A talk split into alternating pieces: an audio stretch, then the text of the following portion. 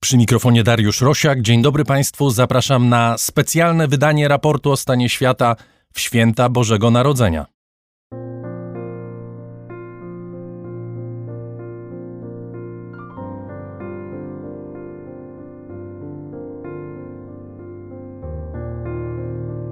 To był kolejny rok wielkiej zmiany, którą przeżywamy od lat i której do końca nie rozumiemy, choć próbujemy ją opisać na różne sposoby.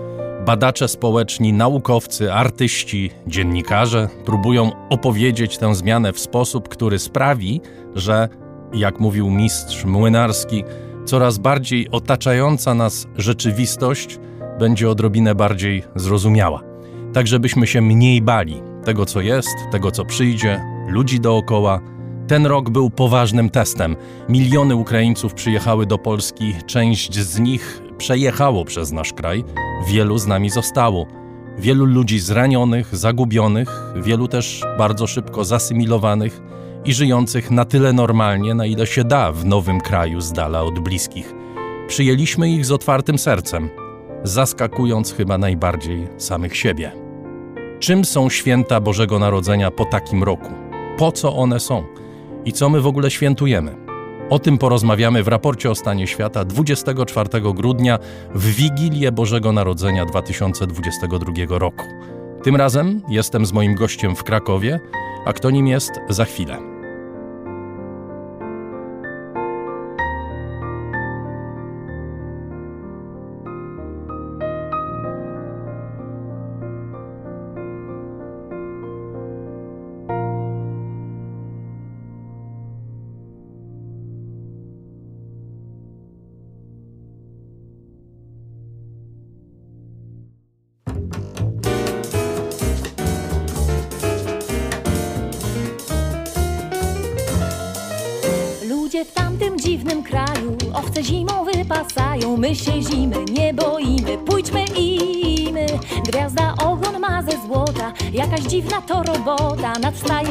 Betlejemie gwiazdka drzemie. A w stajence same dziwy, Pan Bóg mały, lecz prawdziwy, rączką macha nam ze ścianka od poranka. Przyszło zewsząd mnóstwo luda, bo zobaczyć chcą te cuda. Józef kija trzyma w dłoni, wstępu broni. Maria sława w tym połogu, niemal duszę daje Bogu. Leży cicho w ciemnym kątku przy dzieciątku. Weszło skromnie trzech pasterzy, król murzyński zęby szczerzy, inni mędrcy przemawiają, złoto dają.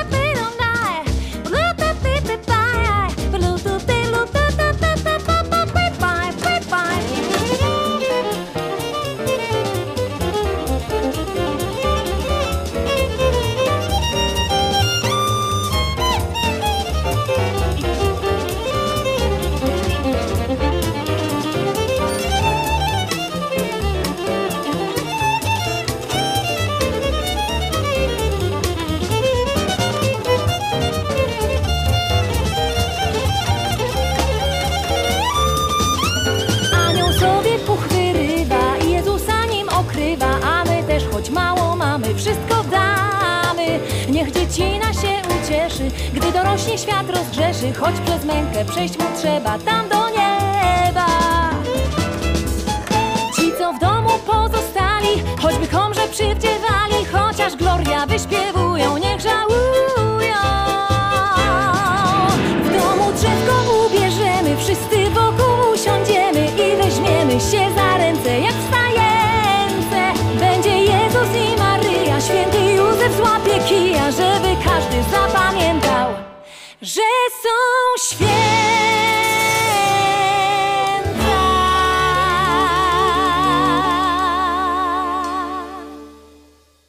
święta. Nika Lubowicz w specjalnej kolędzie o dziwnym kraju na początek raportu o stanie świata, a moim gościem jest ksiądz Jacek Prusak, jezuita, psycholog, psychoterapeuta, autor książek na temat wiary, kościoła, psychologii.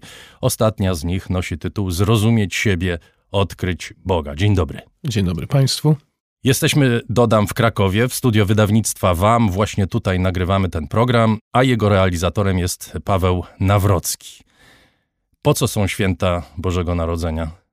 No dla chrześcijan y, te święta są po to, żeby przypominać sobie o jednym z najważniejszych wydarzeń z punktu widzenia wiary dla człowieka i dla ludzkości, o tym, że Bóg stał się człowiekiem, więc y, jest to celebracja tajemnicy wcielenia.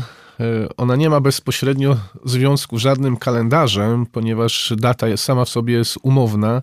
Pojawiła się zresztą późno, jeśli chodzi o samo chrześcijaństwo. To nie jest tak, że pierwsi chrześcijanie obchodzili święta Bożego Narodzenia. My je obchodzimy już od IV wieku, no po to, żeby pamiętać o tym przełomowym momencie w historii ludzkości, w której, jak chrześcijanie wierzą, Bóg stał się jednym z nas dla nas. A co to znaczy, że Bóg stał się człowiekiem? To znaczy, co to konkretnie oznacza? Jakby wylądowali kosmici i nie mieli pojęcia, kim był Jezus Chrystus, co my w ogóle świętujemy, co to znaczy, że Bóg się wcielił w człowieka. Jakby ksiądz im to objaśnił? Pokazałbym im tego człowieka, który na imię miał Jezus i starał się pokazać, że w świetle poprzedzającej chrześcijaństwo tradycji, w świetle judaizmu, ten człowiek nie był tylko zwykłym człowiekiem, był spełnieniem pewnych obietnic, w które już wierzyli, na które czekali Żydzi. I że ten Jezus jest Chrystusem, bo Chrystus to znowu nie jest nazwisko tej osoby, to jest pewien tytuł y, mówiący o tym, że on jest Panem czy Zbawicielem, czyli że w tym człowieku Bóg jest obecny w sposób wyjątkowy, jedyny i wyjątkowy. Ani takiej obecności nie było przed Jezusem, ani już jej nie będzie po nim. Natomiast nie jestem w stanie, nie jestem pewny, czy byłbym w stanie to wytłumaczyć, ponieważ to jest tajemnica e, wiary. Nie wiem, czy można kogoś przekonać do tego, że patrząc na pewną figurę z historii sprzed 2000 lat, która nie ma swojego zdjęcia, nie ma swojego dowodu tożsamości, dowodu osobistego, że e, ta ludzka jednostka jest kimś więcej niż to, e, co wskazuje imię i to, co wyobrażamy sobie, patrząc na Boga. No, tu jest głębszy problem, e, bo ta tajemnica wcielenia jest wyzwaniem dla ludzkiej wiary, to znaczy my jesteśmy przyzwyczajeni myśleć o Bogu i potem dopasowujemy do tego wyobrażenia o Bogu nasze rozumienie Jezusa z Nazaretu. Natomiast chrześcijaństwo jest tu bardzo radykalne. Mówi, że nasze rozumienie Boga dopiero może się zacząć od Jezusa z Nazaretu. Ludzie, dla których wiara jest y, czymś albo obojętnym, albo kompletnie obcym, nie rozumieją oczywiście, o czym ksiądz mówi. Myślę, że nie rozumieją, dlatego że y, myślę, że mało kto z nich by kwestionował, że taka ludzka jednostka, taki, taki mężczyzna rzeczywiście istnieje, już nikt tego nie podważa. To już nie te czasy, kiedy twierdzono, że jest to mit. Wiemy, że jest to postać historyczna, natomiast no, e, wyznanie wiary jest łaską. E, myślę, że e, ktoś werbalnie rozumie, co ja chcę powiedzieć, chociaż nie do końca jestem przekonany, że może to, że, że to nawet rozumie. Ja chyba źle powiedziałem, bo moim zdaniem ludzie wierzący też nie rozumieją, co ksiądz mówi. No, jeśli nie rozumieją, to nie wiem, gdzie jest problem, po czyjej stronie tego, co ja mówię, czy tego, jak słaba jest ich wiara bądź y, y, wiedza Nie, religijna. Chodzi mi o to, że to jest dokładnie tak, jak ksiądz mówi, to znaczy my dopasowujemy sobie Boga do naszych wyobrażeń. I teraz 24 grudnia on jest małym Jezuskiem bezbronnym, którym trzeba się zaopiekować, y, który urodził się w jakiejś tam stajence, otoczony był przez osiołki i tak dalej, i tak dalej. A potem na przykład w okolicach Wielkanocy będziemy sobie wyobrażać sprawiedliwego Boga, który jest sędzią, który za dobre wynagradza, a za złe karze. Zresztą nie wiem, czy w okolicach Wielkanocy możemy sobie to wyobrażać, kiedy chcemy. W ogóle to, co rozumiemy pod pojęciem Boga, to jest to, co dopasowujemy do własnych wyobrażeń. Czy w ogóle może być inaczej? Więc właśnie, dobrze pan zapytał, czy może być inaczej. Ja mogę tu odpowiedzieć trochę z tej perspektywy, y, która mi jest najbliższa po teologii, czyli z perspektywy psychologii, którą się zajmuję. Więc jeśli my mówimy o Bogu w kategoriach osobowych, y, skazani jesteśmy na antropomorfizację, skazani jesteśmy na to, że cały ten język o osobowości Boga, o Bogu jako osobie, będzie analogiczny. Tutaj mm, nie mamy żadnego innego wyjścia. Tyle tylko, że właśnie chodzi o to, żeby mieć świadomość, żeby ten język z tych antropomorfizmów najdalej jak się da oczyszczać, no bo to nie jest żaden Jezusek. Znaczy, y, on taki był. Jeśli wierzymy, że Bóg stał się człowiekiem, musiał przejść przez taką fazę rozwojową, gdzie był takim Jezuskiem ale y, to wszystko, co my y, wiążemy z Bożym Narodzeniem, te wszystkie nasze wyobrażenia, to są po prostu wyobrażenia. Przez pierwsze trzy, a nawet cztery wieki chrześcijanie nie obchodzili Bożego Narodzenia, bo w centrum ich wiary stała niedziela. Jak zaczęli obchodzić Boże Narodzenie, to nie z całym tym repertuarem kulturowym, który my dzisiaj łączymy z tym świętem. No, Jezusek w żłóbku pojawił się w średniowieczu, to jest tradycja od Franciszka z Asyżu z XII wiek. Więc. A przedtem jak to było?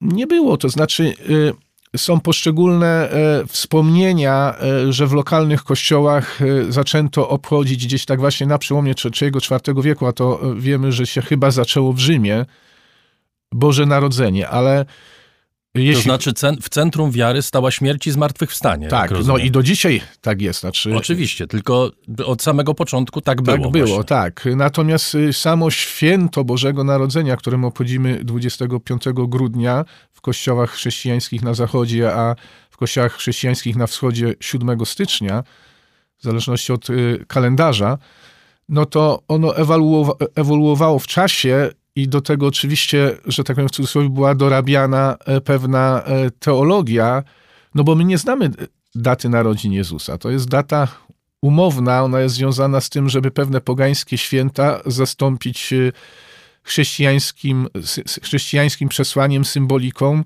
i w cudzysłowie je spacyfikować w ten sposób. Więc to wszystko jest umowne. Tak samo jak y, to, że mm, to, co my nazywamy właśnie Ewangeliami dzieciństwa, no wiemy, że to są tylko dwie z Ewangelii z czterech, y, Mateusz i Łukasz, pierwsze dwa rozdziały tych Ewangelii, to są tak zwane Ewangelie dzieciństwa, ale my to wiemy, że to nie żaden reportaż z miejsca wydarzeń.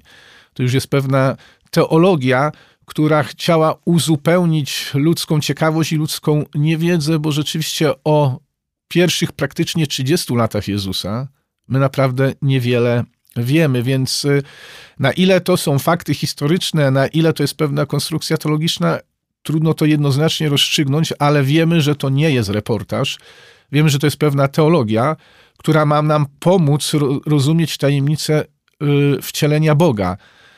A ile tam jest wyobrażeń ludowych, kulturowych, no jest ich chyba mnóstwo, mm, no i z tym trzeba umieć żyć z tym się bardzo dobrze żyje. To znaczy dla nas, przynajmniej obecnie, y, Boże Narodzenie to jest centralne święto rodziny, prawda? Centralna uroczystość rodzinna, kiedy się spotykają ludzie. To ciekawe, co ksiądz powiedział, że to się za Franciszka z Asyżu, którego kojarzymy z łagodnością, prawda, mówieniem do zwierząt, z, z takim ciepłem, że on to wymyślił, tak? Czy on to wprowadził w ogóle do tradycji Kościoła? On Dobrze to, rozumiem? Tak, on to e, wprowadził, bo wtedy w chrześcijaństwie się pojawił taki szerszy nurt zainteresowania człowieczeństwem Jezusa i tym człowieczeństwem od samego początku. Tak? Pierwsze, pierwsi chrześcijanie, tak jak nie mieli krucyfiksu jako znaku rozpoznawalnego dla swojej religii, to też się pojawiło z czasem. Tak samo tutaj E, takie, e, taki nurt pobożności, który zaczął dowartościowywać człowieczeństwo Jezusa także w jego dzieciństwie, no to jest dopiero średniowiecze, to jest właśnie Franciszek i jego wpływ. Trwa to do dzisiaj, przy czym jak my mówimy właśnie święta Bożego Narodzenia w Polsce, najczęściej myślimy o Wigilii. Tak? A to jest mhm. znowu wytwór kulturowy Bo to nie jest tak, że Wigilia jest jakimś świętem y, ogólnochrześcijańskim. Wigilia No jest... tak, wszystko jest wytworem kulturowym. Post w Wigilię też jest wytworem kulturowym. Tak, na dodatek został złagodzony, a w niektórych krajach zniesiony. A w niektórych go nigdy nie było. Nie było, dokładnie. To wracam do tego pytania. Po pierwsze, czy może być inaczej, a po drugie, czy to nie jest po prostu normalne, że tak to się odbywa, że tak próbujemy okiełznać rzeczy, które chcemy zrozumieć, chcemy przyswoić, chcemy, żeby były z nami, ponieważ z nami są, czy tak, czy tak. I próbujemy im nadać taki kształt, który jest dla nas no, do pewnego stopnia wygodny, do pewnego stopnia bardziej zrozumiały. No ja myślę, że to jest ciągła próba ze strony ludzi wierzących, ze strony chrześcijan, y, bycia blisko tajemnicy Jezusa z Nazaretu w tym podwójnym y, wymiarze, że to był w pełni człowiek i to był w pełni Bóg. No i Boże Narodzenie jest próbą podkreślenia tej pierwszej prawdy, że był w pełni człowiekiem, więc staramy się te wszystkie ludzkie elementy, często właśnie karmione naszą fantazją, naszymi pragnieniami, naszymi potrzebami, odnaleźć w, w, w, tym okresie, w tym święcie Bożego Narodzenia, ale nawet jeśli oczywiście y, musi tam być wiele elementów kulturowych, to one są po to, y, żeby nas y, blisko trzymać tego historycznego faktu, że to był człowiek, w którym chrześcijanie rozpoznali Boga. A że to jest skazane na antropomorfizację, no nie da rady inaczej, no ale z drugiej strony, jeśli będziemy pamiętali, że ten Jezus był Chrystusem, no to ten Chrystus będzie także kontestował takie popularne wyobrażenia o Jezusie z obrazka, do którego jesteśmy przyzwyczajeni, albo z katechizmu dla dzieci, który nam kiedyś tam wkładano do głowy. No, my wyznajemy wiarę Je w Jezusa Chrystusa, to jest jedna osoba, ale z tych dwóch perspektyw, ludzkiej i boskiej. No i musimy się zgodzić w pewien sposób na to, że nasze wyobrażenia po prostu pozostaną wyobrażeniami, z drugiej strony pamiętać, że to jest tajemnica, która będzie kontestowała wszystkie nasze wyobrażenia. Ksiądz Jacek Prusak jest gościem świątecznego raportu o stanie świata.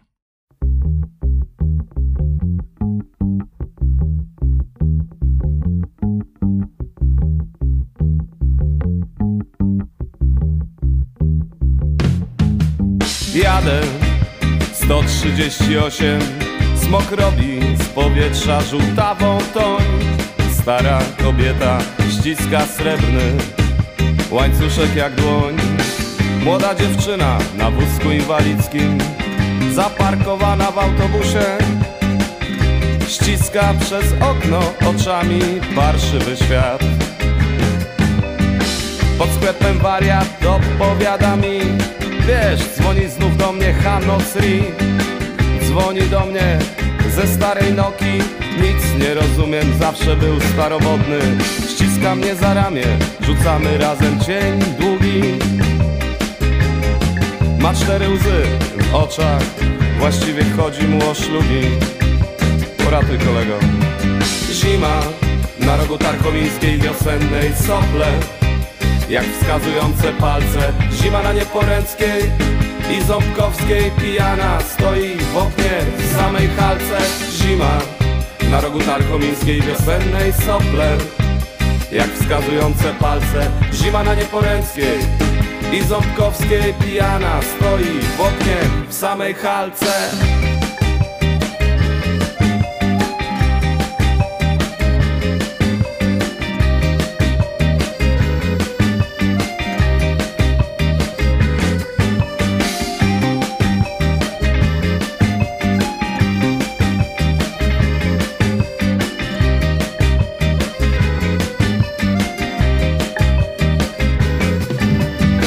Na przejściu facet bez nogi wkurwiony na światła wciska przycisk na słupie i klnie pod nosem. W końcu idzie na czerwonym, mniej tej nogi już nie będę miał w auto z piskiem. Pstryka papierosem, dalej dwie dziewczyny jeszcze przed trzydziestką Gadają w bramie, co ma sto lat. Dolatują mnie koszty Provident i eksmisja. Kot z parteru się patrzy za krat. A ja mam jedno życzenie żeby na rogu wiosennej tarkowińskiej zawsze była wiosna, żeby tam miała bazę z kwiatów i brązowego szkła. A ja mam jedno życzenie, żeby na rogu wiosennej i tarchomińskiej zawsze była wiosna. Żeby tam miała bazę z kwiatów i brązowego szkła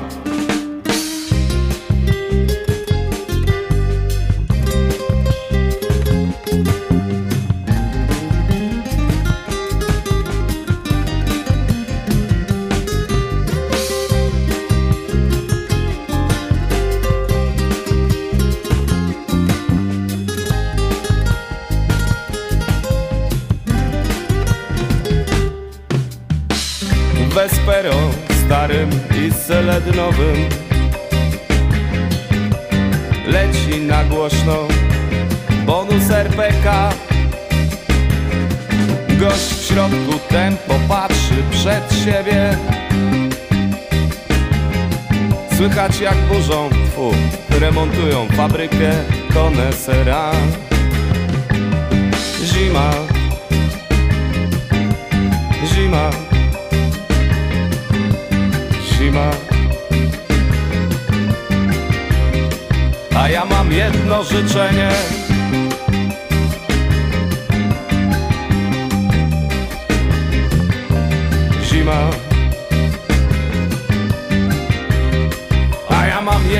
życzenie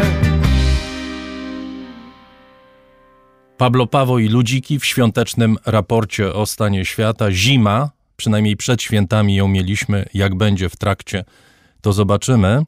Ksiądz Jacek Prusak jest z nami, a raczej ja jestem gościem w Krakowie y, w studio wydawnictwa WAM. Ksiądz jest psychologiem, psychoterapeutą. Święta wydają się czasem szczególnie trudnym dla osób, które są samotne, które cierpią na problemy psychiczne, są podatne na wzorce tak zwanych prawidłowych zachowań, to znaczy jak wszyscy chodzą do sklepu, no to ludzie chodzą do sklepu, bo wszyscy inni chodzą do sklepu. Y, Jak y, wszyscy się cieszą z tego, że się spotykają w gronie wspaniałych, młodych, pięknych, zdrowych ludzi, no to dziwnie się czujemy, kiedy nie spotykamy się w takim gronie albo zostajemy sami. Czy ksiądz zauważa nasilenie takich zjawisk w tych ostatnich latach? Ja zauważam odejście od tych zjawisk w ostatnich latach. To znaczy, Boże Narodzenie przestaje być świętem kulturowym w Polsce. Tu musimy pamiętać o dwóch rzeczach. O Wigilii, która dla większości Polaków, wierzących i niewierzących, była pewnym fenomenem kulturowym. Do dzisiaj jeszcze jest.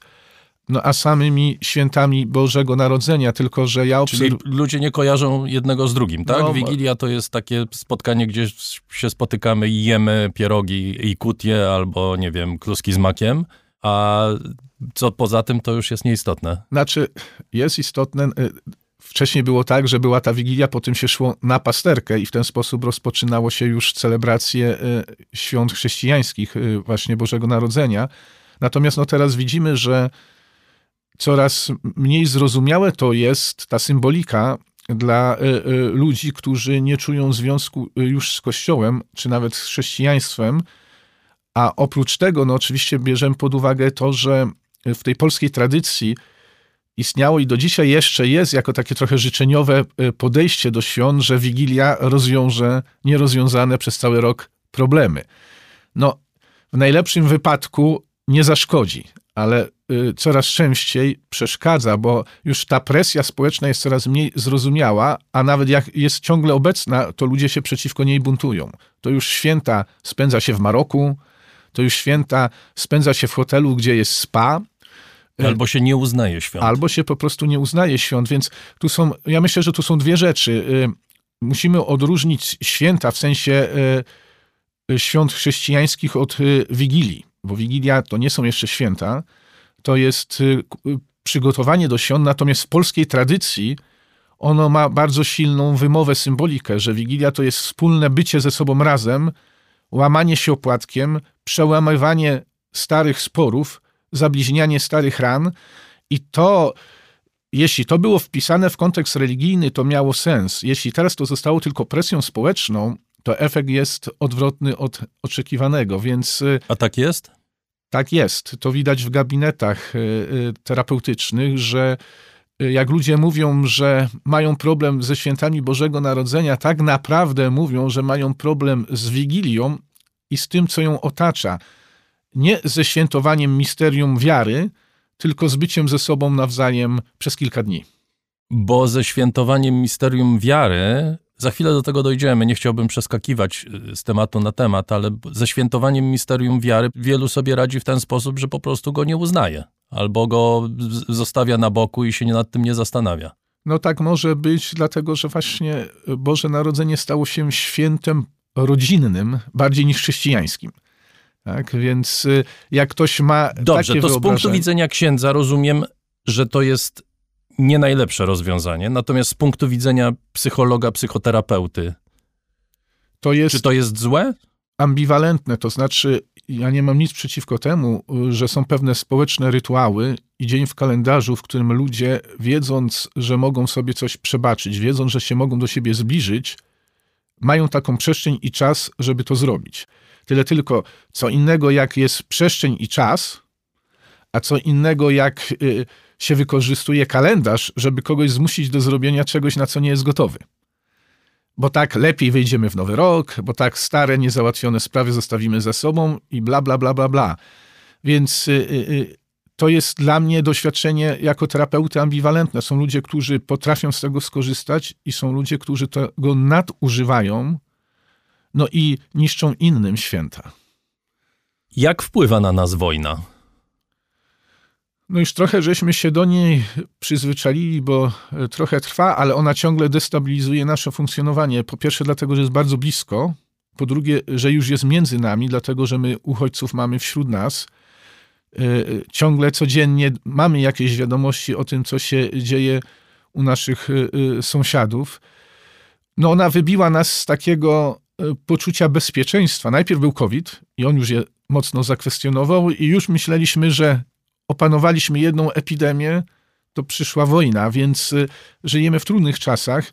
No i to w gabinetach też y, widać, że taki skumulowany efekt i COVID-u, i wojny na Ukrainie. Ludzie stracili takie dotychczasowe, naiwne poczucie bezpieczeństwa, że jeśli jest wojna, to gdzieś daleko od nas, że my możemy spokojnie myśleć o emeryturze, planować sobie wakacje, robić różne rzeczy, bo po prostu tak powinno być. No, widzimy, że tak nie musi być.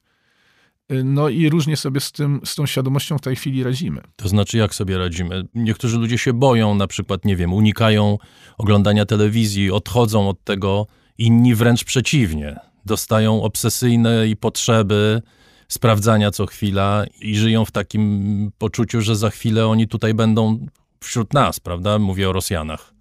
No więc y, oprócz tego, że oczywiście my mamy te historyczne, słuszne bądź niesłuszne skojarzenia z y, Rosją jako agresorem, Słuszne. no słuszne, bo to zawsze, to nigdy nie był nasz pokojowy sąsiad, więc właśnie to, tą pamięć historyczną my mamy. No i właśnie dlatego my jesteśmy na to bardziej wrażliwi. No, y, y, ja próbuję sobie przypomnieć, y, zresztą o tym ze znajomymi rozmawiałem, y, jak była wojna na Bałkanach, nie tak znowu daleko od nas, Mhm. to myśmy o tym wiedzieli, ale to nas nie ruszało. Tu mamy wojnę bardzo blisko nas, a ofiary tej wojny wśród nas, no i poczucie zagrożenia, że nie wiadomo, co ta Rosja, co ten Putin jeszcze y, zrobi. Niby z jednej strony mamy takie poczucie bezpieczeństwa, że my jesteśmy krajem NATO, że tutaj jest najdłuższa granica NATO w Europie Wschodniej, no i że mamy silnego brata za oceanu, który nas będzie chronił, ale z drugiej strony mamy takie poczucie, że to jest trzecia wojna światowa w kawałkach i do końca nikt nie wie, nikt nie wie, co z tego wyniknie. Więc to poczucie zagrożenia, niepewności jest cały czas obecne, bo to jest, ja nie jestem politologiem, ale ja się zgodzę z tą opinią, że to jest konwencjonalna i już niekonwencjonalna wojna. Ona się rozgrywa i medialnie w zupełnie inny sposób niż to, co my znamy z historii i wcześniej. No i na naszych oczach się rozgrywa konwencjonalnie, tylko nie wiemy, dokąd nas zaprowadzi, więc to poczucie niepewności jest bardzo duże. I mało tego, my przecież nie wiemy tak naprawdę, jak ta wojna y, wygląda. Opieramy się na przekazach, które są albo przekazami kontrolowanymi przez Ukraińców, albo przekazami propagandowymi rosyjskimi, którym z gruntu nie wierzymy, albo na podstawie tego, co wywiad amerykański czy brytyjski nam powie, formułujemy opinię. Zresztą każdy ma opinię na ten temat, bo my żyjemy w świecie, w którym wszyscy mają opinię na każdy temat.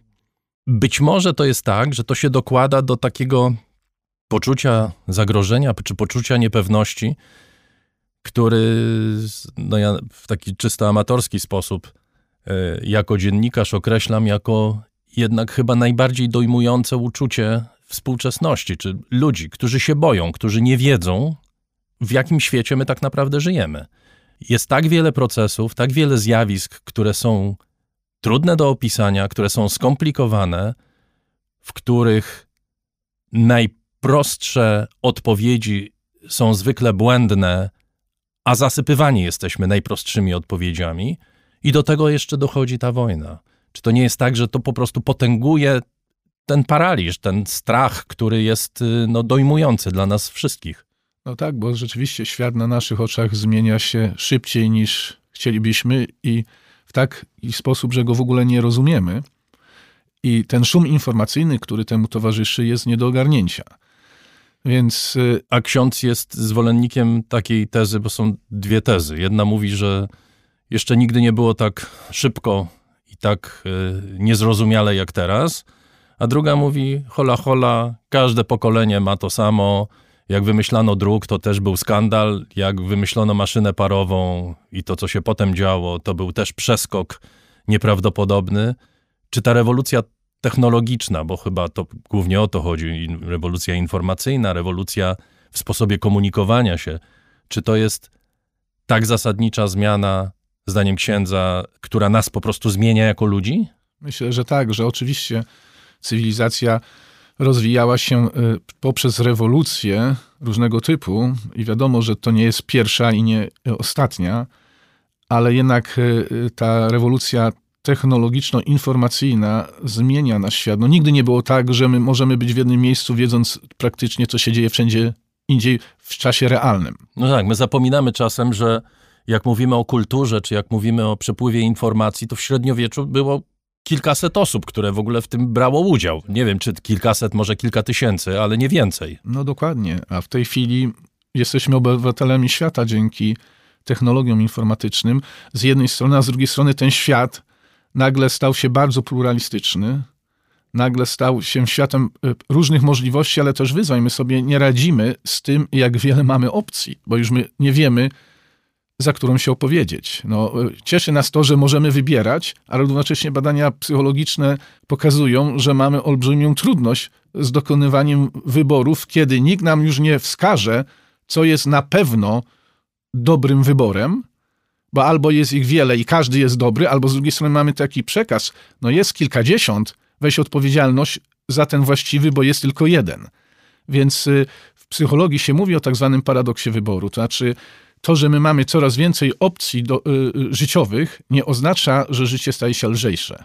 Ono się staje trudniejsze przez fakt, że albo wierzymy, że w tych wszystkich opcjach jest tylko jedna słuszna i albo ją wybierzemy i nasze życie będzie szczęśliwe, albo straciliśmy swoją szansę na szczęście, ale wtedy winić możemy tylko samych siebie.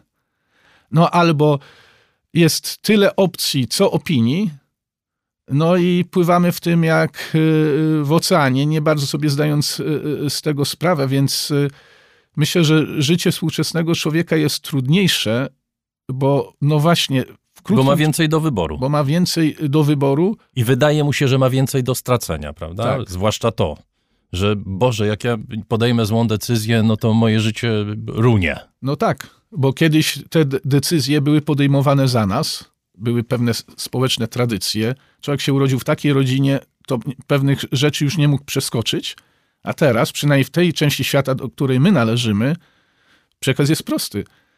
Masz wybór, zrób z niego użytek. To jest ważne zastrzeżenie, które ksiądz zrobił w tej części świata.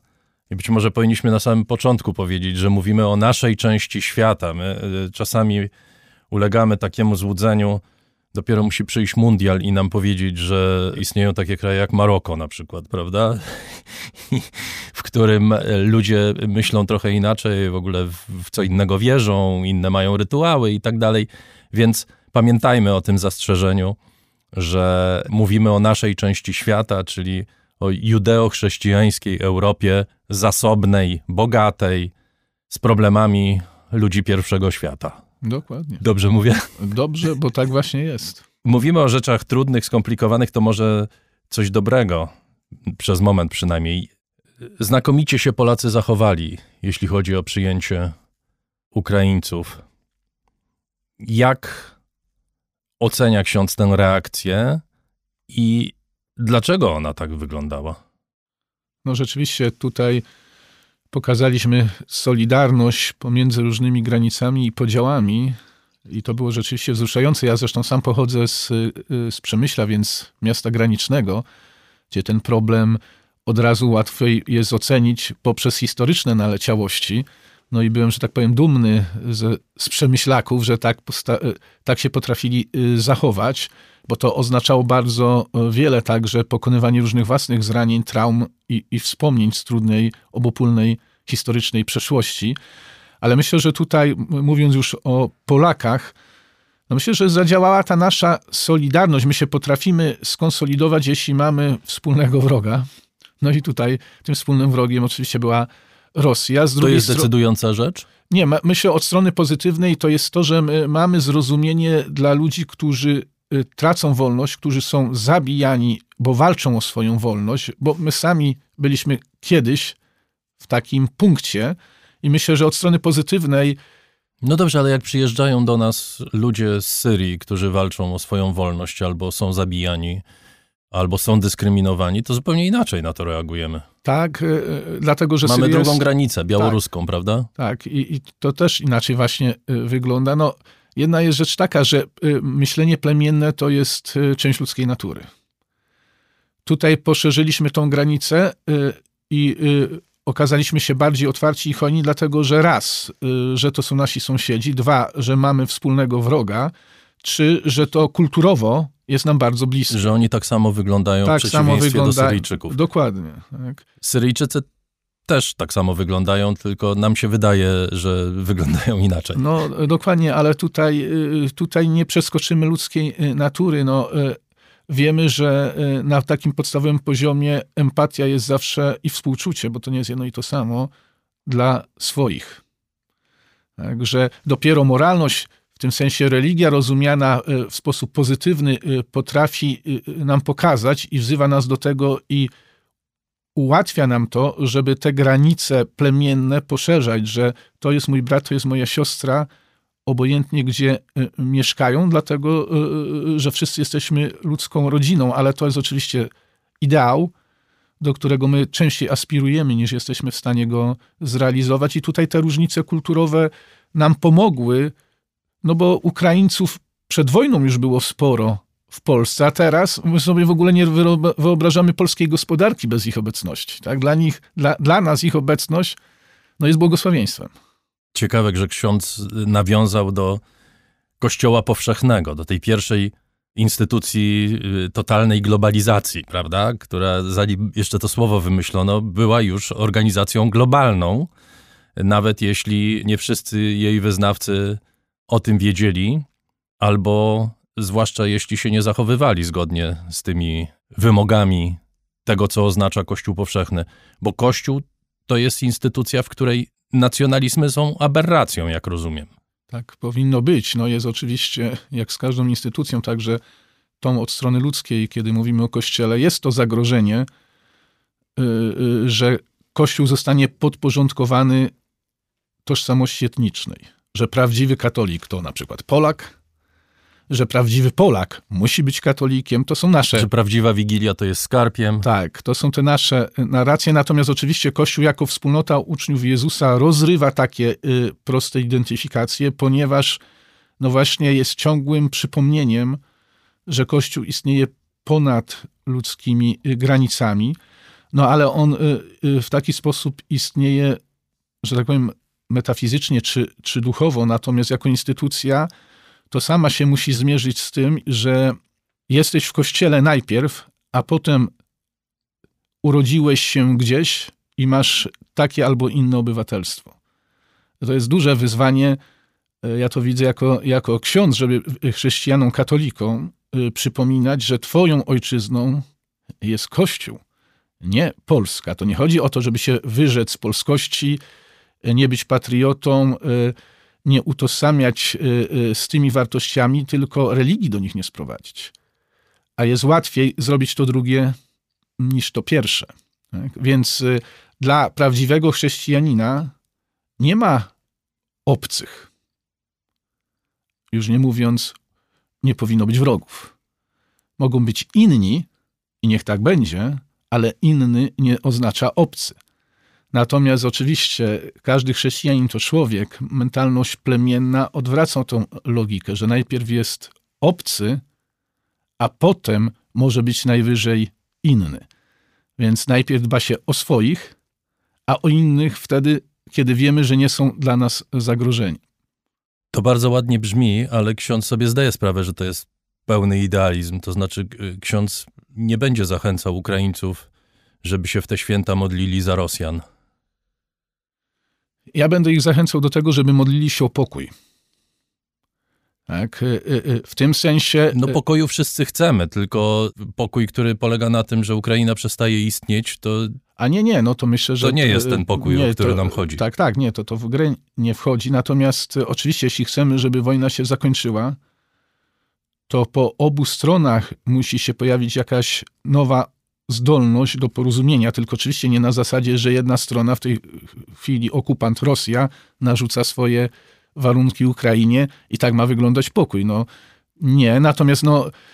Ale co ma zrobić chrześcijanin ukraiński, któremu, nie wiem czy większość rodzin, ale setki tysięcy rodzin straciły ludzi, straciły członków, straciły mężczyzn, e, dzieci czasami, przeżyły tragedie, przeżyły masakry, przeżyły gwałty, przeżyły rzezie. Jak oni się mają odnosić w tej chwili do Rosjan inaczej niż z wrogością? No, myślę, że e, póki trwa wojna, nie mogę inaczej. Tylko, że zakładamy, że ona się kiedyś skończy i zakładamy, że e, jak było wszędzie indziej, jeśli to są narody, które są narodami sąsiedzkimi, no to żeby przezwyciężyć traumę tej wojny, która będzie trwała przez pokolenia, musi nastąpić prędzej czy później pewien y, proces reparacji, znaczy zabliźniania tych ran, bo inaczej y, ta wojna będzie się działa cały czas, tylko y, w inny sposób. Ludzie, jeśli ludzie pozostaną siebie wrogo nastawieni, to ta wojna się nigdy nie skończy. Natomiast oczywiście tu nie chodzi o tanią, tani pokój i udawanie, że nie ma krzywdy, no ja mówię, myślę, że najpierw y, Ukraińcy muszą myśleć o, so, o sobie samych, o swoich rodzinach, swoich najbliższych, którzy, których tracą na swoich oczach tylko dlatego, że pojawił się agresor z Moskwy, który wymyślił sobie nową rzeczywistość i poświęca życie ludzkie dla realizowania jakichś y, demonicznych y, wizji. Jeszcze na dodatek w to samo jest zmieszana religia, no bo przecież to, co wyrabia patriarcha Cyryl, to woła o pomstę do nieba. Tak? On już bez żadnej żenady błogosławi tą e, wojnę, robi, ją od, robi to od początku, no ale to jest człowiek religijny, w cudzysłowie, na usługach władzy. No i to też jest e, przerażające, że w tą wojnę od strony rosyjskiej wpisana jest ideologia e, religijna. Tak? To dla nich to jest krucjata. Im się wydaje, że oni zbawiają świat, a nie, że go rujnują. No i ta narracja trwa do dzisiaj. Czy w wykonywaniu y, profesji psychologa, psychoterapeuty z tyłu głowy jest u księdza ciągle ta świadomość, jestem księdzem? Czy w ogóle da się oddzielić pracę psychologa, psychoterapeuty od perspektywy księdza, tak jak można, nie wiem, przynajmniej próbować oddzielić pracę na przykład dziennikarza od działań aktywisty, prawda? Nawet jeżeli wiemy, że pewna działalność czy pewne działania są słuszne albo niesłuszne, to staramy się jako dziennikarze patrzeć na to lekko z boku. Ksiądz uprawia zawód, w którym nie można być z boku. To znaczy, chyba jeśli się jest y, z pacjentem, z człowiekiem, który potrzebuje pomocy, to trzeba z nim być do końca bez względu na to, co się dzieje. Czy zawsze jest perspektywa księdza? Księdza, który przecież występuje w ramach pewnej struktury, która ma dosyć jasno określone zasady. Mhm. Znaczy, no to moja odpowiedź będzie moją odpowiedzią, bo to na pewno y, ja je nie mogę generalizować i zdaję sobie sprawę, że nie wszyscy y, to, co teraz powiem, y, uznają za słuszne rozwiązanie. Znaczy, tylko, że z perspektywy psychoterapeuty nie chodzi o oddzielanie, tylko o pomieszczenie. Jest pytanie, to jest takie te- techniczne słowo w psychoterapii, czy ja mogę pomieścić jedną w sobie, jedną i drugą funkcję. Wydaje mi się, że mogę, choć to jest, że tak powiem, mam nadzieję, twórcze napięcie, bo to nie jest łatwe. Natomiast, y, no, będąc w terapii, ja y, staram się nie być żadnym urzędnikiem kościoła. Ja tam jestem dla tej konkretnej osoby, która wie, kim ja jestem, sama dokonała takiego wyboru, y, żeby się ze mną spotkać. I ja tam jestem po prostu mm, terapeutą. Oczywiście ja nie mogę z siebie zdjąć bycia księdzem, ale ja tego ani nie podkreślam, ani się do tego, jeśli y, nie muszę, dla dobra terapii nie odnoszę. Jak zostawiam wolność człowiekowi, zasada w terapii, z którą ja się identyfikuję, brzmi następująco, żeby iść za pacjentem, a nie go wyprzedzać. Jeśli dokonuję wyborów życiowych, które są niezgodne z, z nauką Kościoła, to ja nie jestem y, od tego w terapii, żeby go dyscyplinować. Y, To niech sobie. To nie ja, i to nie moja funkcja, i to nie moje miejsce. No i myślę, że tylko na takich warunkach ja w ogóle mogę być y, terapeutą, bo inaczej to byłoby udawanie bycia terapeutą. Inaczej to by była spowiedź. Tak, inaczej to by była spowiedź, inaczej to byłoby, y, byłbym funkcjonariuszem pewnej instytucji. No, więc to nie ma dla mnie znaczenia. W tym sensie ja się nie I staram. nie interesuje księdza, czy osoba, której ksiądz próbuje pomóc, jest wierząca, czy nie? Interesuje mnie to, ale y, y, na takiej zasadzie, żeby pomóc y, samej osobie, jeśli jest wierząca i potrafi, i wiara jest dla niej ważna w życiu, to staram się, żeby te zasoby związane z religią wykorzystała do radzenia sobie ze swoimi problemami. Jeśli wiara dla niej nie jest ważna, no to wiara się nie pojawia w terapii, no bo to byłoby nawracanie albo spotkanie z księdzem, a nie z terapeutą. To zależy od konkretnej osoby, od tego, jak daleko mnie do tej sfery chce wpuścić, nawet wiedząc, że jestem księdzem. Z drugiej strony, to nie jest tak, że moi pacjenci przychodzą y, y, y, do mnie i rozmawiają o Panu Bogu czy religii.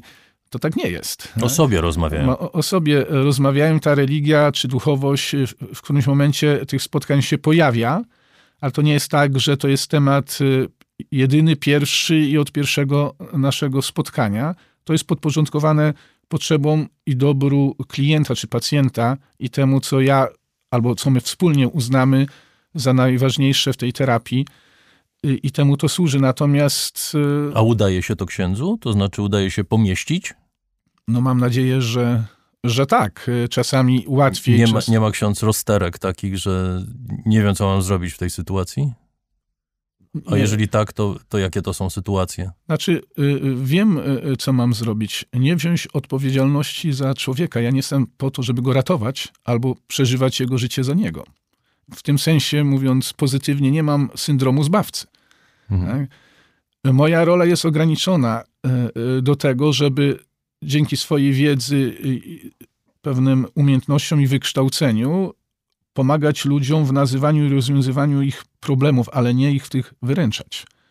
Więc w tym sensie ja nie mam jakiegoś y, y, dylematu, ponieważ y, ja zawsze uważam, że to pacjent jest pierwszą osobą, która sobie pomaga. Ja to mogę ułatwić i bardzo dobrze by było, żebym temu nie stanął na drodze, ale nic poza tym. Ja nikogo z niczego nie wyleczę wbrew komuś, ani ja nie jestem po to, żeby kogokolwiek w terapii przekonywać do swojej wizji rzeczywistości, albo komuś na siłę odbierać tą, do której jest przekonany, że jest jego własną opcją na życie. Po prostu daję przestrzeń do tego, żeby w rozmowie, która ma pewną strukturę, pewną logikę, jest wpisana w pewien proces interakcji międzyludzkiej, pojawiła się przestrzeń właśnie do tego, żeby człowiek mógł być autentyczny i żeby wziął odpowiedzialność za siebie i za swoje życie. Czy to jest y, czas, w którym wzrasta liczba ludzi cierpiących na zaburzenia psychiczne? Czy może, jak mówią inni, obniżyliśmy poprzeczkę w traktowaniu pewnych zachowań i teraz jak ktoś jest smutny, to ma depresję. Jak ktoś y, y, się zdenerwuje, to jest przemocowy i powinien się z tego wyleczyć. No to są dwie y, rzeczy. Z jednej strony rzeczywiście y, mamy do czynienia z tak zwaną medykalizacją ludzkiej egzystencji, czyli coś, co jeszcze do niedawna było zwykłym przejawem, nawet jeśli trudnym, ludzkiej egzystencji, nagle staje się problemem, z którym sobie trzeba e, poradzić, albo jeszcze gorzej, z którego trzeba kogoś wyleczyć. To niewątpliwie prawda, ale to jest część e, e, perspektywy, no bo druga jest taka, że te zmiany cywilizacyjne jednak sprawiają to, że my coraz gorzej sobie radzimy z życiem i tempem życia, jakie prowadzimy, i coraz mniej mamy czasu na to, żeby stanąć w miejscu i odpocząć, więc to jest jedno i drugie. Z jednej strony wymyśl, w cudzysłowie, tworzymy nowe jednostki chorobowe. A skąd w ogóle taka potrzeba, żeby... E, Bo to nam daje poczucie kontroli. Jeśli potrafimy coś nazwać, mhm. to już mamy jakieś poczucie kontroli nad tym, co nas gnębi, co nas nie opuszcza, co nam utrudnia życie. Z drugiej strony oczywiście to y, jest niebezpieczne, prawda? Zwłaszcza w odniesieniu do dzieci. Z drugiej strony, no statystyki też pokazują, że czasem skrajne przejawy zaburzeń psychicznych u dzieci występują i to występują w bardzo znaczącym stopniu, prawda? One się zwiększają. Y, mamy zwiększanie liczby samobójstw wśród dzieci, czy problemów, poważnych problemów psychicznych, nie takich właśnie, że ktoś się źle poczuł, tylko poważnych problemów. No tak, no. Y młodzi ludzie żyją w świecie, który obiecuje im wiele, ale też wiele wymaga. I dzieci, nasze dzieci, to pokolenie płaci za tą olbrzymią y, cenę. No, żyjemy w kraju, który właśnie y, deklaratywnie jest y, bardzo religijny, no ale średnio w Polsce każdego dnia 15 osób odbiera sobie życie. 11 mężczyzn, 4 kobiety. W Polsce więcej osób ginie odbierając sobie życie niż w wypadkach samochodowych. Więc to pokazuje, że mamy pewien problem społeczny, że to nie chodzi o tylko jednostki, o jakiś margines, że z stanem zdrowia psychicznego Polaków nie jest najlepiej. Bo to jest skrajny przypadek oczywiście i oby takich osób było jak najmniej. Ale w tle jest coraz młodsze pokolenie, które coraz gorzej radzi sobie E, z trudnościami dnia e, codziennego. Oczywiście teraz jeszcze e, tutaj znaczący był COVID, bo ja w tej chwili nie pamiętam, tak nie przytoczę tych statystyk z głowy, no ale myśmy w, w tym jednym z tych roków covidowych, jeśli tak to można powiedzieć, no mieli radykalny przyrost i problemów psychicznych, i samobójstw, no bo w skali globalnej, w skali społecznej mierzyliśmy się z czymś, do czego nie byliśmy przygotowani. Myśmy tego nie znali. Tak, to, to było najwyżej dla nas wyobrażenie, ale nigdy świat nie był zamknięty, tak jak był zamknięty w COVID-zie. To też y, y, wyciągnęło z konieczności szereg problemów, bo dotąd ludzie, nawet jak mieli problemy, to się od nich rozpraszali. To byli w pracy, to się bawili, a kiedy byli zamknięci, kiedy musieli być ze sobą, to nie było gdzie uciec i nie było jak tego ukryć. No i do dzisiaj przerabiamy to, y, co się wtedy ukazało. Więc, więc y, z jednej strony oczywiście coraz więcej wiemy, ale z drugiej strony coraz trudniej nam żyć w świecie, w którym funkcjonujemy. Ksiądz Jacek Prusak, jezuita, psycholog, psychoterapeuta, jest gościem specjalnego wydania raportu o stanie świata, bożonarodzeniowego wydania raportu o stanie świata.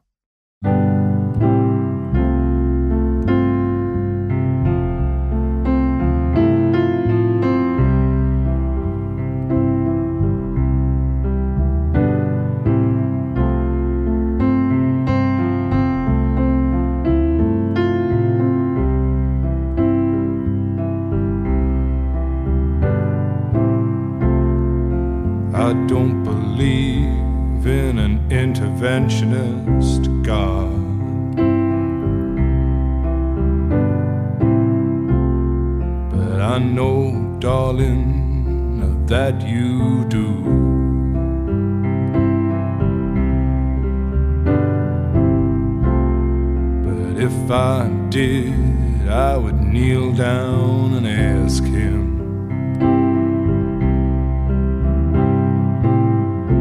not to intervene when it came to you. Well, not to touch a hair in your head, leave you as you are. If he felt he had to direct you, then direct you into my arms. Into my arms,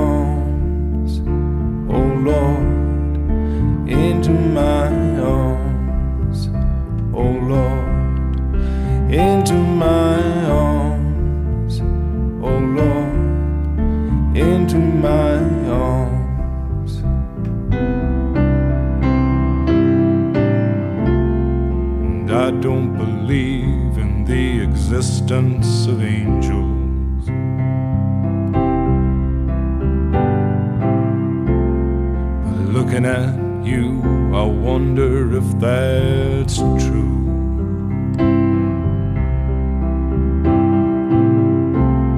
But if I did, I would summon them together.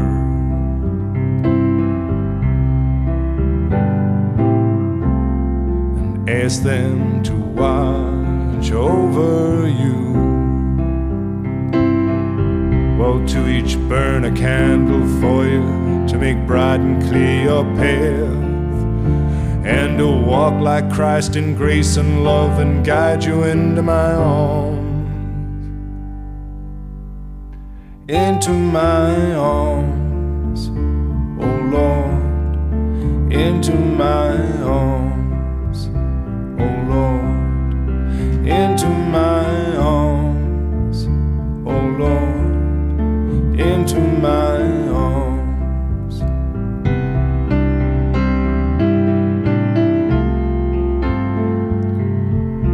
I believe in love.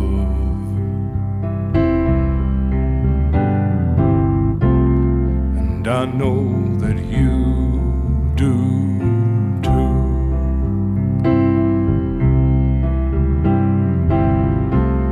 And I believe in some kind of path.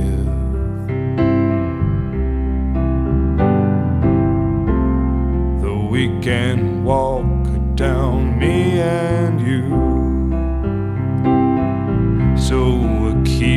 candles burning, make a journey bright and pure, that you'll keep returning always and evermore. Into my arms, oh Lord, into my arms, oh Lord, into my arms, oh Lord, into my Nick Cave and the Bad Seeds w świątecznym raporcie. Wybrałem tego artystę, bo on sam uważa, że pisze piosenki religijne, nie tylko religijne, ale po prostu chrześcijańskie, tak twierdzi. Wyjątkowa postać, nie tylko zresztą w show biznesie. Ksiądz Jacek Prusak jest e, naszym gościem. Historia narodzenia y, i życia Chrystusa staje się coraz mniej ważna dla wielu ludzi żyjących na Zachodzie. Kto ponosi za to winę? Sami ludzie. Ale myślę, że e, i po części ci z nas, którzy są w kościele i ci, którzy na kościół e, patrzą, rzeczywiście chrześcijaństwo w Europie się starzeje, a nawet obumiera. No i ta symbolika chrześcijańska jest coraz mniej zrozumiała. Już są dzieci, które patrząc na krzyż nie wiedzą, co on znaczy. Y, Jezus, no to jakiś bohater e, z, z przeszłości i tyle, tak? No to jest z perspektywy no, wiary no, smutna rzeczywistość, no ale ona... Unikamy kartek świątecznych nawet w Polsce, prawda? Tak, Tylko żeby we już- Francji mają e, święta końca roku, Fête de la fin d'année i w Anglii czy w Stanach Zjednoczonych Season's Greetings, prawda? No właśnie, no z jednej strony oczywiście ja to e, rozumiem w takim e, kontekście, że te tradycyjne kraje chrześcijańskie przestały być tradycyjnie chrześcijańskie. Jest tam coraz więcej osób nieutożsamiających się z chrześcijaństwem, czy wręcz po prostu wyznawców innych religii. No i żeby być e, inkluzywnym, próbujemy ten problem rozwiązać w taki sposób. No ale z drugiej strony, jeśli będziemy się wyrzekali symboliki, która tą cywilizację kształtowała i nie jest nastawiona na to, żeby kogoś obrażać albo z kimś walczyć, to moim zdaniem też y, no, strzelamy sobie w piętę. No bo y, zaczynamy się wstydzić tego, co nas ukształtowało. Z drugiej strony osoby y, innych religii, innych wyznań nie mają takich kompleksów. Tak więc y, my staramy się być otwarci, postępowi, ale często jesteśmy w tym krótkowzroczni. No więc jeśli No bo może islam albo buddyzm nie czujesz, że jest y, w kryzysie. Każda religia na świecie w tej chwili jest w kryzysie, bo nie, tylko w niektórych krajach tego jeszcze nie widać, bo ta religia w ogóle nie przeszła procesu modernizacji, ale to jest etap nie do uniknięcia. Nie jest tak, że globalnie religia znika z, z globu, bo tak nie jest, wręcz przeciwnie, w niektórych krajach się mocno radykalizuje, staje się religią taką polityczną, z silnymi wpływami na codzienne funkcjonowanie y, y, wielu ludzi. No ale jeśli wrócimy do tego kontekstu euroatlantyckiego, którego jesteśmy częścią, no to chrześcijaństwo w wymiarze kulturowo i społecznym słabnie. Być może to jest konieczne, żeby chrześcijaństwo odzyskało tą witalność, którą miała u swojego początku, zanim stała się religią Europy, a potem religią tej części świata, która została skolonizowana przez Europejczyków. I stała się takim Christianitas w Europie i potem poza granicami Europy. Myślę, że jesteśmy na takim etapie, gdzie chrześcijaństwo będzie z konieczności religią wyboru, a nie religią rodziców. I to jest źle czy dobrze? Myślę, że to jest dobrze. Mało tego, tak sobie patrzę na przykład na takie kraje jak Irlandia, y, gdzie w bardzo krótkim czasie religia katolicka została zepchnięta, realnie rzecz biorąc, na margines życia społecznego i to wbrew temu, co niektórzy sądzą, nie spowodowało nihilizmu w tym kraju, tylko te wszystkie zachowania, które kiedyś mieściły się w obrębie kościoła, na przykład wspólnotowość, zostały przeniesione na płaszczyznę laicką, życia laickiego, prawda? Ludzie w dalszym ciągu się spotykają, ludzie w dalszym ciągu śpiewają ze sobą piosenki, e, w dalszym ciągu się wspomagają, w dalszym ciągu pomagają biednym i tak dalej, i tak dalej. Może po prostu to jest naturalny proces, w którym Kościół z własnej winy się znalazł i tyle. I po prostu tak świat wygląda. Znaczy, tu są też przynajmniej dwie rzeczy. Jedna rzecz jest taka, że nie trzeba być osobą religijną, żeby być osobą moralną. Czasami religia w tym w ogóle przeszkodzi. Tak? I to jest ważne, żeby o tym pamiętać, bo niektóre osoby religijne są przekonane, że jak człowiek nie wierzy w Boga, to jest relatywistą i nihilistą. I tak musi być. Nie, że to jest wybór, tylko że to jest konieczność, więc to jest nieprawdą. Wiemy, że moralność poprzedza religię. Tak? Moralność była przed religią. Religie, te duże religie, tylko instytucjonalizowały tą moralność i ją poszerzały, ale nie ją tworzyły. Natomiast Irlandia jest jeszcze y, dodatkowym y, y, ostrzeżeniem, że tam, gdzie dochodzi do zlepienia się religii z państwem, tam religia na tym traci, a nie zyskuje, bo Irlandia była jeszcze bardziej w cudzysłowie katolickim krajem niż jest Polska. My w Polsce już się zastanawiamy, czy to jest jeszcze państwo, w którym religia jest oddzielona od władzy, czy to jest y, teokracja. No ja ciągle jeszcze y, nie tracę nadziei, że, y, że jest ten Może to jest tak, proszę księdza, że e, zanim staniemy się taką prawdziwą teokracją, to się rozpadnie ta więź między religią a państwem. Myślę, że, że tak. No, to Już do końca. to już widzimy na e, naszych oczach. No, jeszcze do niedawna co czwarty najmłodszy Polak objęty badaniami w Polsce mówił, że jest niereligijny albo nie identyfikował się z chrześcijaństwem. Y, A teraz y, y, co czwarty mówi dopiero, że, to, że się z tym identyfikuje, więc to jest takie pokolenie, które za 10 lat, za 15 lat, za 20 lat w skali globalnej, bo oczywiście jednostkowo to nie będzie tak wyglądało, w skali globalnej to będzie pokolenie, które nie walczy z Kościołem, nie walczy z religią, po prostu nie jest tym zainteresowane. Jak rozumiem, zdaniem księdza, kryzys Kościoła jest dla niego szansą. Szansą na co?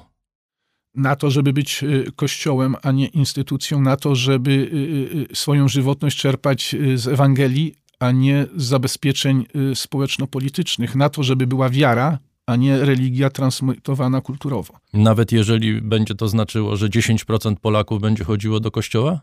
Nawet jeśli.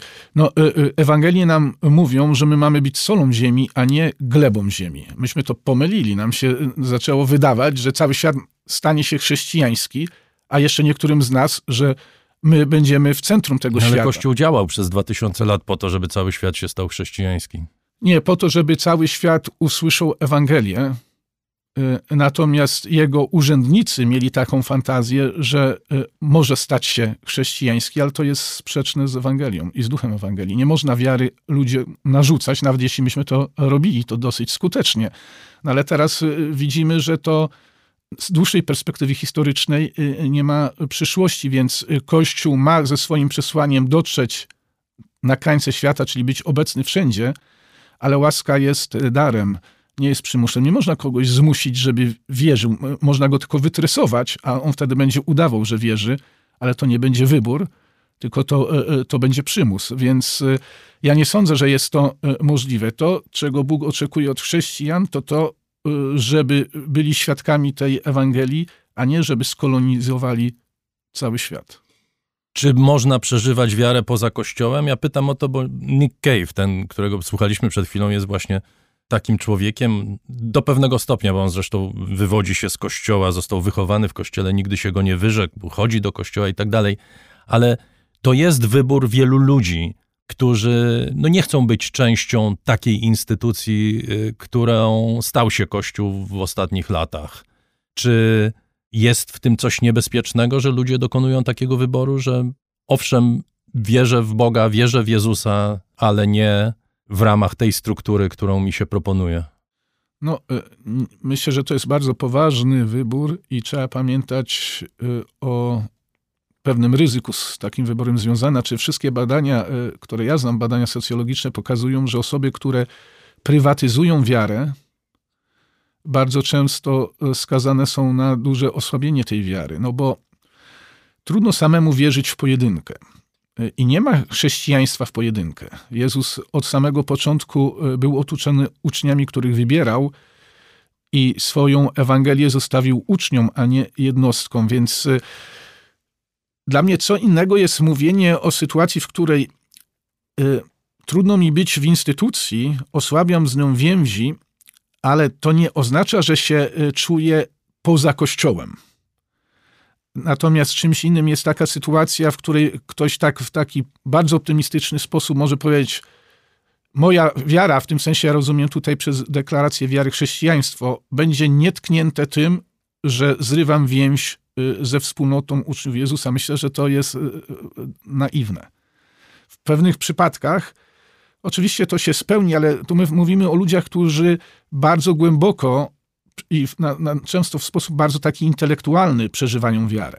Że oni się mogą karmić jakby tą tradycją, nie y, wracając do pewnych rytuałów, nie wchodząc w pewne wspólnoty. Ale jest druga strona tego medalu. Są ludzie, że tak powiem, praktykujący niewierzący. To jest niewielka liczba, ale moim zdaniem ona istnieje. To znaczy takich, którzy owszem uznają właśnie te rytuały, uznają potrzebę wspólnoty, tylko niekoniecznie w tle musi być ksiądz w ornatach i cały ten rytuał, cała ta historia związana z budynkiem kościelnym, z wymaganiami, które księża stawiają i tak dalej, i tak dalej.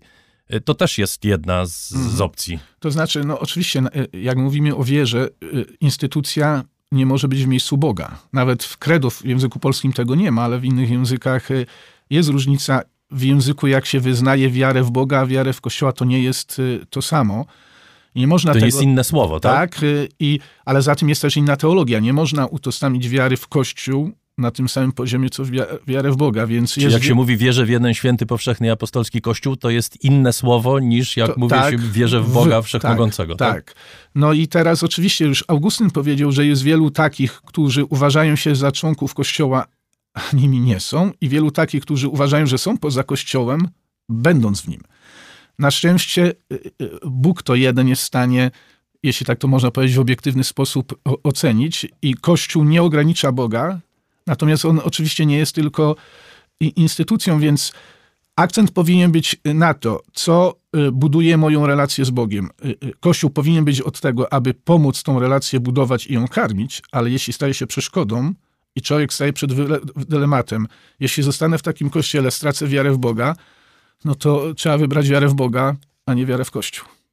A jak ksiądz przyjmuje te przypadki apostazji, które stają się silne medialnie, prawda? O tym się mówi, zwłaszcza jeśli dokonuje apostazji jakaś znana osoba, ale chyba to jest proces, który ma miejsce i nie dotyczy wyłącznie piosenkarzy i celebrytów. No nie, no mnie apostazja zawsze boli w tym sensie, że ją dokonują osoby, które wcześniej uważały się za chrześcijan, a teraz w sposób publiczny e, się tego wyrzekają. No jeśli to jest proces, który ma e, powiedzieć, e, chcę być ze sobą uczciwy, ta etykieta była mi z zewnątrz nadana, ja się nigdy z tym nie identyfikowałem, nie chcę oszukiwać ani siebie, ani Kościoła, to ja to akceptuję. Znaczy, każdą apostazję akceptuję, bo to, to jest wybór y, y, jednostki. Natomiast y, troszkę mnie niepokoi taki fakt, że właśnie ludzie robią z tego punkt tożsamości, identyfikacji, tak jakby to było takie bez konsekwencji. No ale to dlatego, że my żyjemy w ogóle w świecie tożsamościowym, prawda? To znaczy tożsamości decydują o tym, kim jesteśmy. Redukujemy się do tożsamości. No dokładnie i y, ja z moich takich obserwacji, z tego jak słyszę niektóre te właśnie medialne apostazje, to bardzo często y, wynika, że ludzie nie rozumieją tego, co robią. Na przykład y, dokonałem apostazji i y, dalej wierzę w Boga. No, I moje pytanie, okej, ale w jakiego Boga ty teraz wierzysz? Dotąd wierzyłeś tego, No, w- Boga poza Kościołem. a, a co to jest ten Bóg poza Kościołem? No? Znaczy, co to jest ten Bóg poza Kościołem?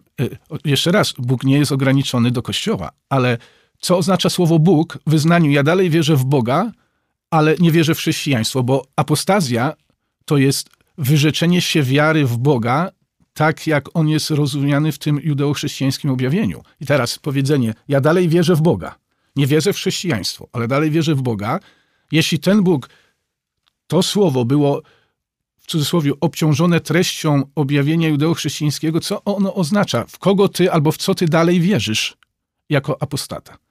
A czy, Coś, co przekracza ludzkie doświadczenie, w coś, co łączy nas ze światem metafizycznym, no i coś- co to jest? No,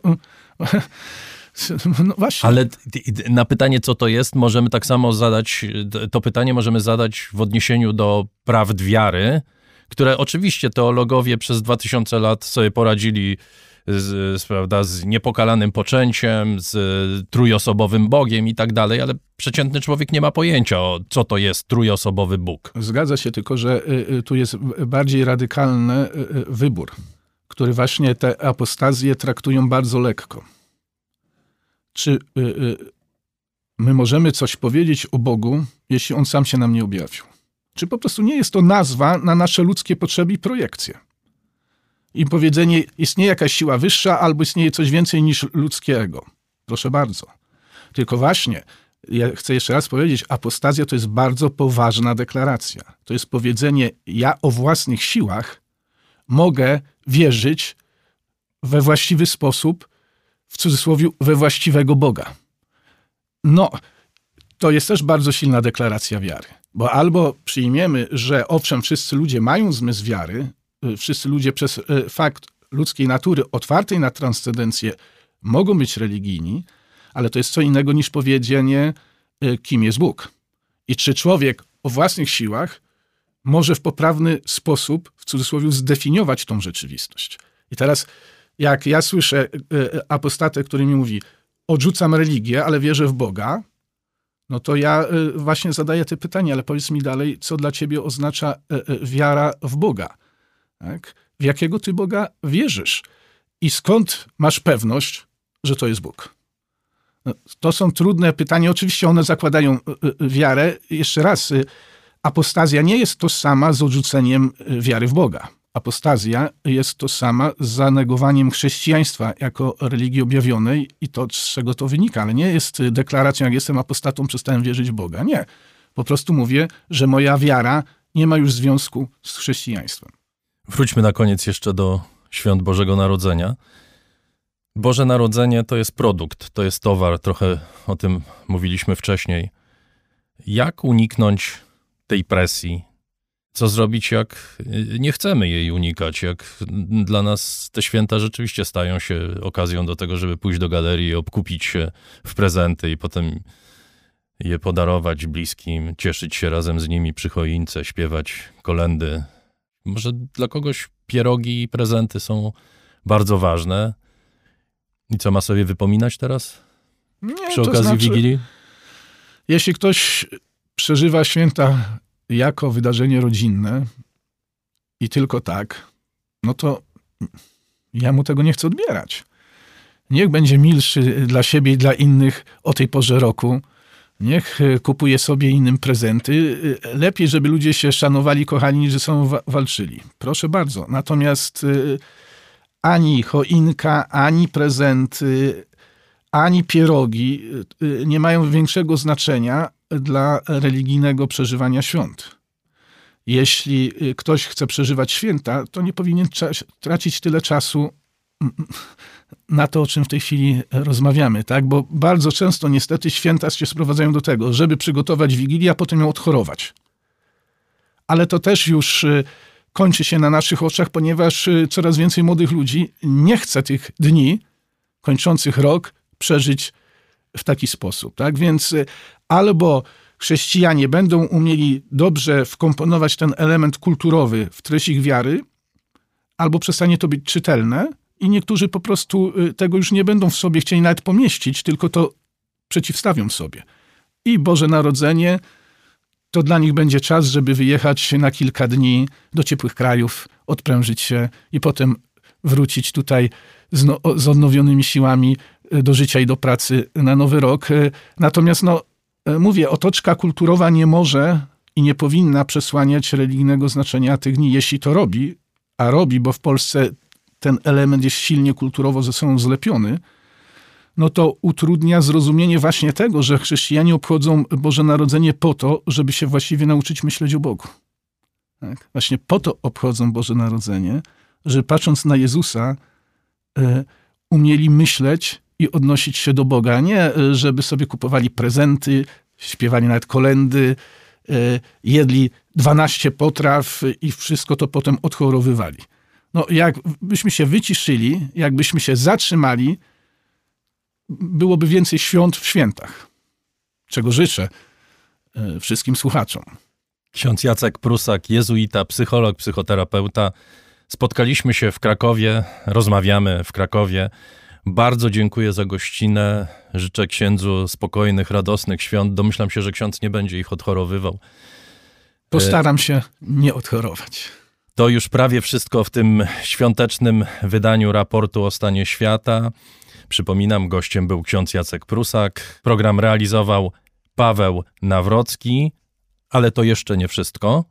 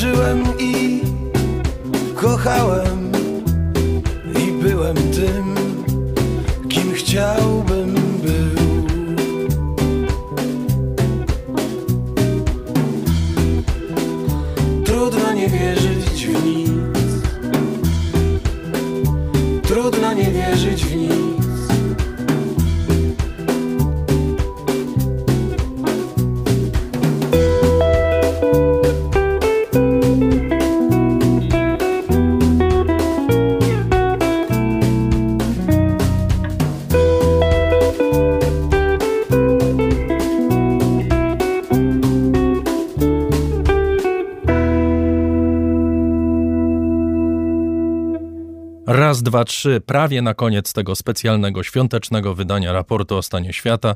Serdecznie Państwu dziękuję za ten rok. Przypominam, że trwa nasz konkurs, plebiscyt. Wybieramy wszystko, co najlepsze w raporcie o stanie świata 2022 roku. Szczegóły w naszych mediach społecznościowych. Za tydzień program noworoczny, w którym podsumujemy 2022 rok i spojrzymy w przód, nawet nie próbując Państwa przekonać, że wiemy, co się wydarzy. Życzę Państwu dobrych świąt w gronie serdecznych ludzi, świąt, których nie trzeba będzie odchorowywać. To jest czas dla nas, który warto smakować, nie tylko jedząc, choć z pewnością dobre potrawy nadadzą mu trochę więcej smaku. Wesołych świąt, dziękuję wszystkim Państwu za to, że jesteście z nami.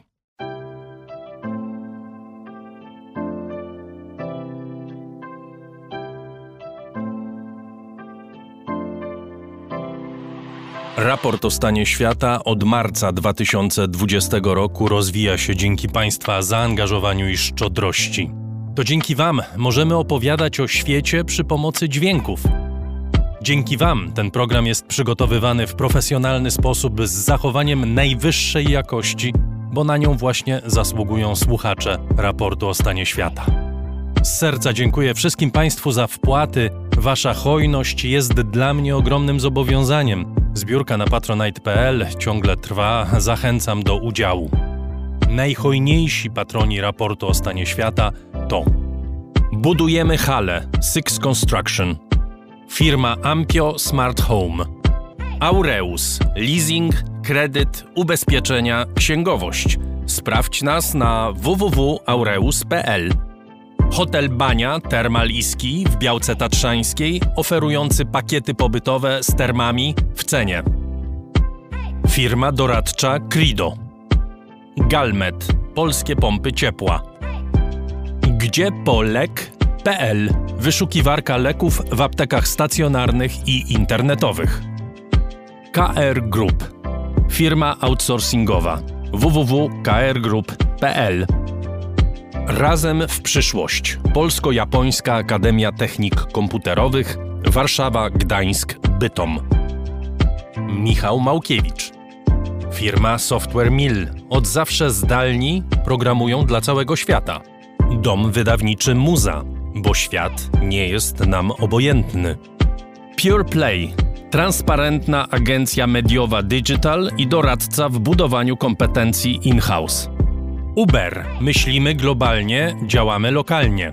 Agnieszka i Sławek Zawadzcy.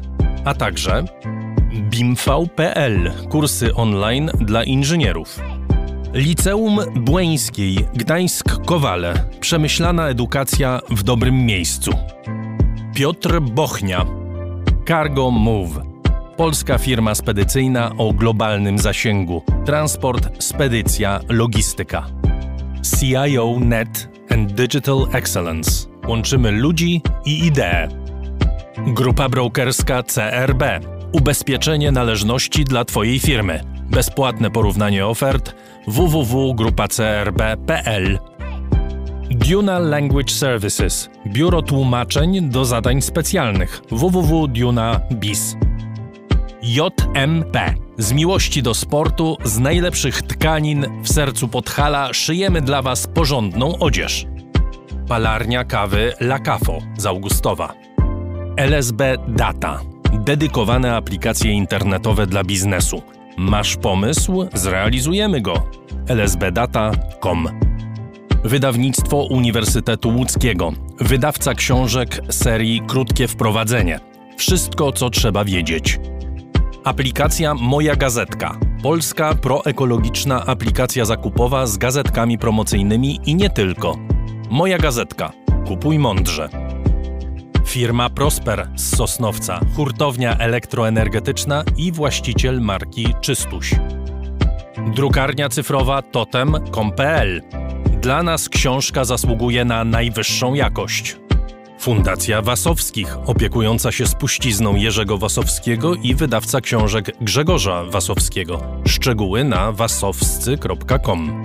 Michał Wierzbowski. Wayman oprogramowanie wspomagające firmy inżynieryjne w zarządzaniu projektami, stworzone przez polskich inżynierów dla sektora projektowego. www.wayman Software. Dziękuję bardzo. To dzięki Państwu mamy raport o stanie świata.